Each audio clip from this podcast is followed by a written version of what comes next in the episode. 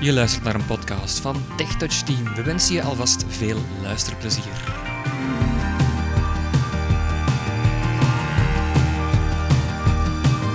Goedendag luisteraar. Welkom bij een nieuwe podcast op onze website, Steven. Eh, Inderdaad. We gaan, ja, we gaan met een nieuwe reeks beginnen. Ehm, ja, jij hebt ooit een, eh, een mooie Daisy-speler, recorder, eh, eigenlijk een alleskunner ehm, gemaakt. Hoe noemde die nu weer? De Olympus DM5 was dat. Dat Ja, is een van onze eerste podcasts geweest. Ja, ja, ja. Maar de technologie staat natuurlijk niet stil. Dus eh, Nee. we gaan gewoon verder met een andere versie, de DM7, ook van Olympus uiteraard. Dat is een, eh, een speler, een MP3-speler, een DAISY-speler, een recorder die eigenlijk gemaakt is voor onze gebruikersgroep, toch min of meer. Dat wil zeggen dat er ook spraak op zit. En jij hebt er zo eentje gedaan.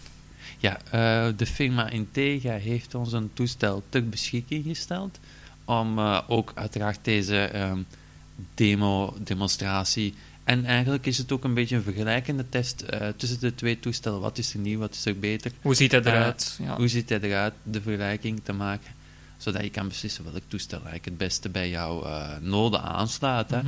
Er zijn een Ehm, paar nieuwigheden hè, bij de DM7. ja, bij een DN7 bijvoorbeeld ehm, eh, wifi-mogelijkheden, dus je kan ook met wifi-netwerken verbinden. Mhm. En je kan hem zelfs met je smartphone bedienen. En een, een Dropbox-functie was er ook bij, geloof Een ik, hè? Dropbox-functie zit er ook in, denk ik. eh, maar dat gaan we in de loop van deze Ja, is- eh, is reeks ja. bekijken. Mhm. Goed. Ehm, laten we eerst beginnen in het eerste deel met het eh, toestel te beschrijven in vergelijking tot de DM5. Hè. Dat is ook interessant voor de mensen die thuis een DM5 hebben. Dat ze ongeveer weten van eh, wat mag ik verwachten als ik Ja. een upgrade doe.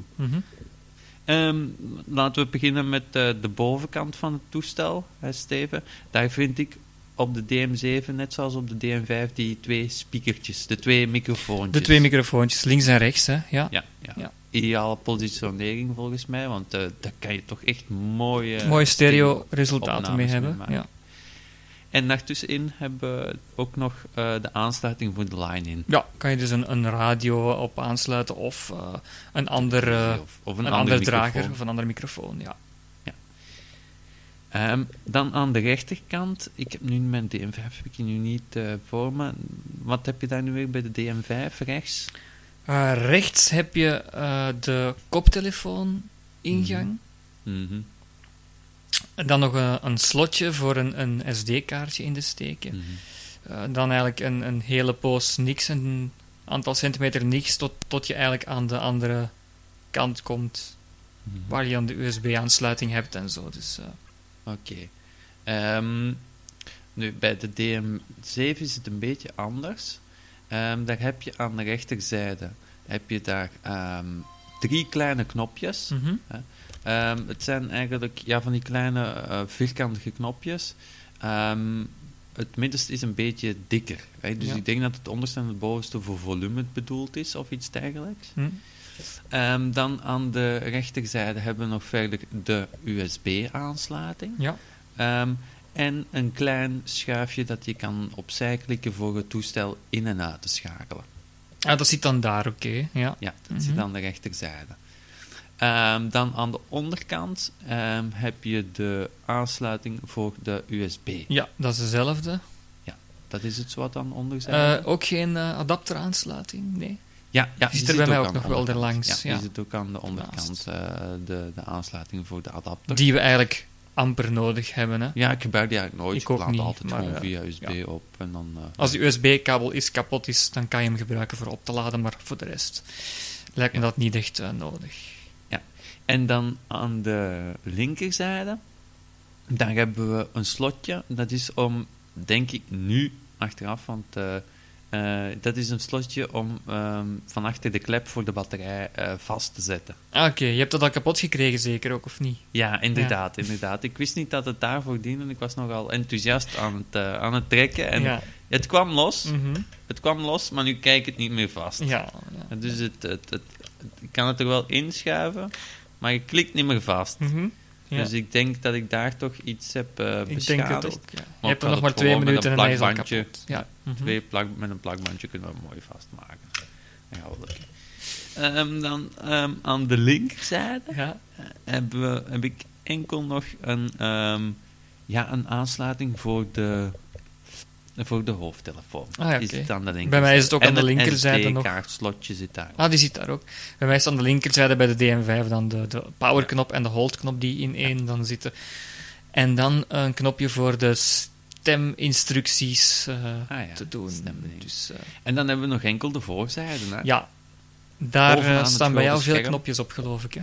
Ja, bovenaan het scherm heb je, ehm, heb je, ja, je hebt gewoon daar het scherm aan de bovenkant natuurlijk. Mhm, mhm. En daaronder heb je een rij van drie knopjes. Ja, dat, zullen misschien de functietoetsen zijn. Bij mij is dat ook ja, zo. dat zou kunnen. Ja. Dat zou kunnen, hè.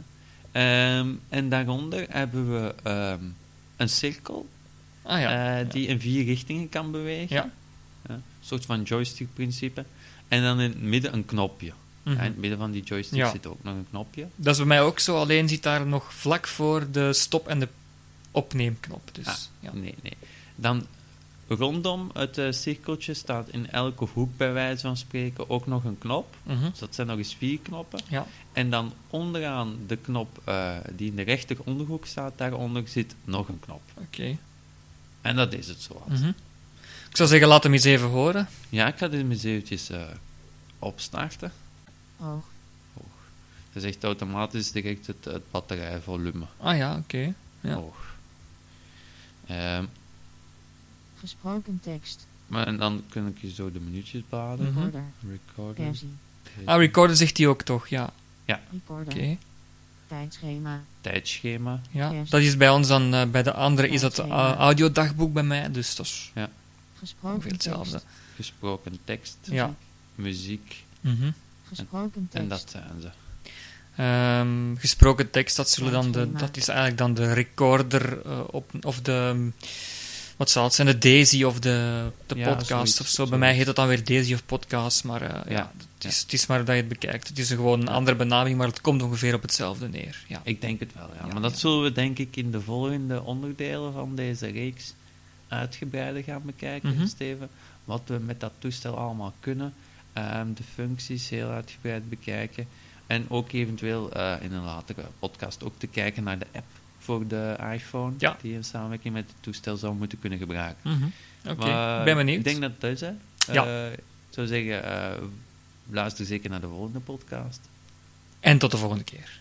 Tot een volgende keer.